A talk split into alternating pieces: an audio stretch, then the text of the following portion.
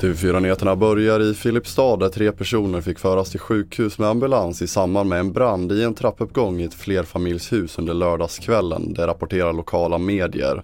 Larmet kom strax före midnatt och när räddningstjänsten kom fram hade röken spridit sig in i flera lägenheter och boende tvingades evakuera ur sina bostäder. Polisen har inlett en förundersökning om misstänkt mordbrand. Vi fortsätter med att en kvinna i 20-årsåldern är allvarligt skadad efter en kraftig kollision mellan två bilar i Helsingborg på lördagskvällen. Enligt Helsingborgs Dagblad orsakades olyckan av att föraren i en av bilarna körde mot rött. Kvinnan färdades ensam i den påkörda bilen och fick klippas loss av räddningstjänsten och hennes skador beskrivs som allvarliga men inte livshotande.